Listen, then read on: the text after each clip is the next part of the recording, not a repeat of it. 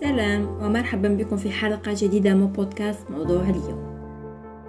اليوم حلقة جديدة يا أصدقاء ولا أعرف إن كنتم لاحظتم من قبل أو لا ولكن مؤخرا كانت حلقاتي تبدأ بشكل لا أعرف فيه بالضبط عن ماذا سأتحدث أو كيف سينتهي موضوعي. ولكن حلقة اليوم استثناء. اليوم موضوعنا محدد عن كيف أن الحياة لا تتوقف وتستمر رغم الظروف ورغم الأشخاص ورغم كل شيء يحدث فيها. أي حلقتنا اليوم ستكون كأنها حصة تعبير.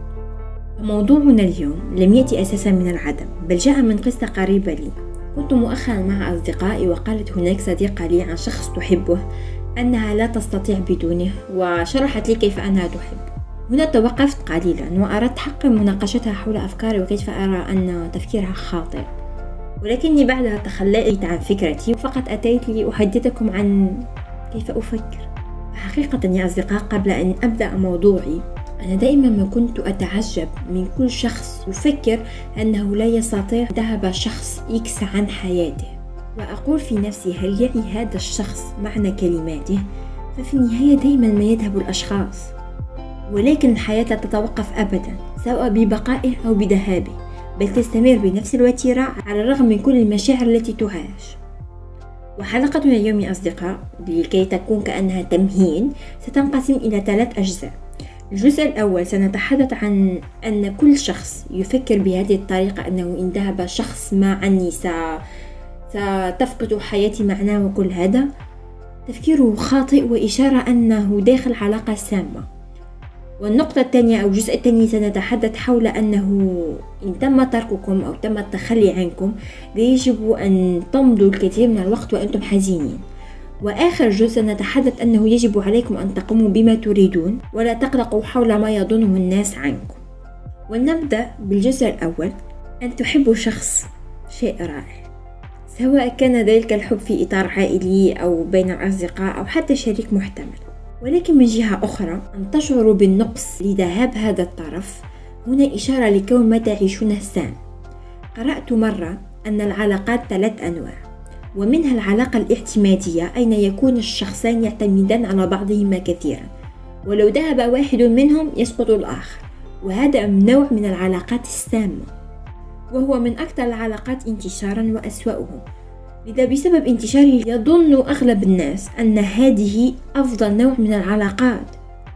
ودائما ما يقولون أن يعني دائما ما أسمع الكثير من الناس يقولون أن أفضل العلاقات هي التي يكمل الطرفان بعضهما ولكن هذا خطأ. فأساسا كل شخص كامل بنفسه والعلاقات أساسها ليس أن نبحث عن شخص يكملني لا أن نبحث عن شخص لديه هوايات مختلفة عني تماما ولكننا بشكل ما متناسقا مع بعضنا.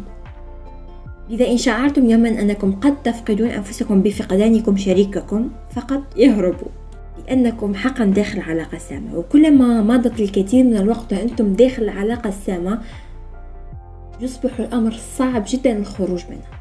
ونصيحة لقد قلت لكم أن العلاقات الاعتمادية هي أكثر العلاقات المنتشرة وهذا لسبب واحد فقط وهو خلو الشريكين من الهوايات والأنشطة الانفرادية. لذا لكل شخص يعاني في مثل هذه العلاقات يجب عليكم فقط أن تحاولوا كسب هوايات جديدة وتطوير أنفسكم وتعبئة وقتكم بحيث لا تحتاجون شخص يملؤ الفراغ. وبذلك لا تسقطون في فخ العلاقات السامة. الجزء الثاني من الحلقة لا تحزن. إن كنتم تمرون بفترة حساسة أين تم ترككم هنا دعونا نتوقف ونتذكر أن من تحزنون لأجله الحياة تستمر بالنسبة له بأي طريقة كانت. فبينما أنتم تضيعون المزيد من الوقت في التفكير والحزن هناك شخص ما يقوم ويحقق ما تطمحون أنتم به. لذا لكل شخص يعاني. فقط وفر جهدك وطاقتك لنفسك. كما قلنا لقد تم تركك. لسبب أو لآخر قرر الطرف الآخر أنكم لستم جيدين كفاية. وبعيدا عن كل هذا من الطبيعي الحزن والبكاء والانفراد لمدة زمنية معقولة. يومان ثلاثة ثم انتهى يجب عليكم أن تبدأوا من نقطة ما. مهما كانت الانطلاقات صعبة تبقى أفضل من البكاء وإنهاك أنفسنا نفسيا وجسديا. ومؤخرا بدأت أصدق مقولة أن لا أحد يتخلى عن الأشياء التي يحبها إلا بعد أن تحترق يداه للحفاظ عليها. وأنت بالفعل حرقت يدك. وجاء وقت التخلي وبدأ أشياء جديدة دون ارتباطات تؤذينا. لذا ربما تخلي شخص عنك ما هو إلا نقطة جيدة في حياتك. النقطة الثالثة لا تقلقوا بما يفكر فيه الناس. سؤال هل تخليتم يوما عن فكرة فقط من أجل نظرة الناس؟ أو لم تستطيعوا ترك شيء فقط من أجل نظرة الناس؟ مهما كانت إجاباتكم دعوني أذكركم أن في النهاية الحياة تستمر وتعود إلى ترددها بسهولة. لا أقول بسرعة لأنني أدرك أن في هذا الطريق يوجد الكثير من الألم والكثير من الأشياء الصعب تجاوزها بسرعة. ولكن تذكروا أن هناك من يدفنون أحبتهم ويفقدون عائلاتهم ولكن في اليوم التالي الجميع يتناولون فطورهم ويذهبون للعمل مجددا مهما كانت حالتهم النفسية.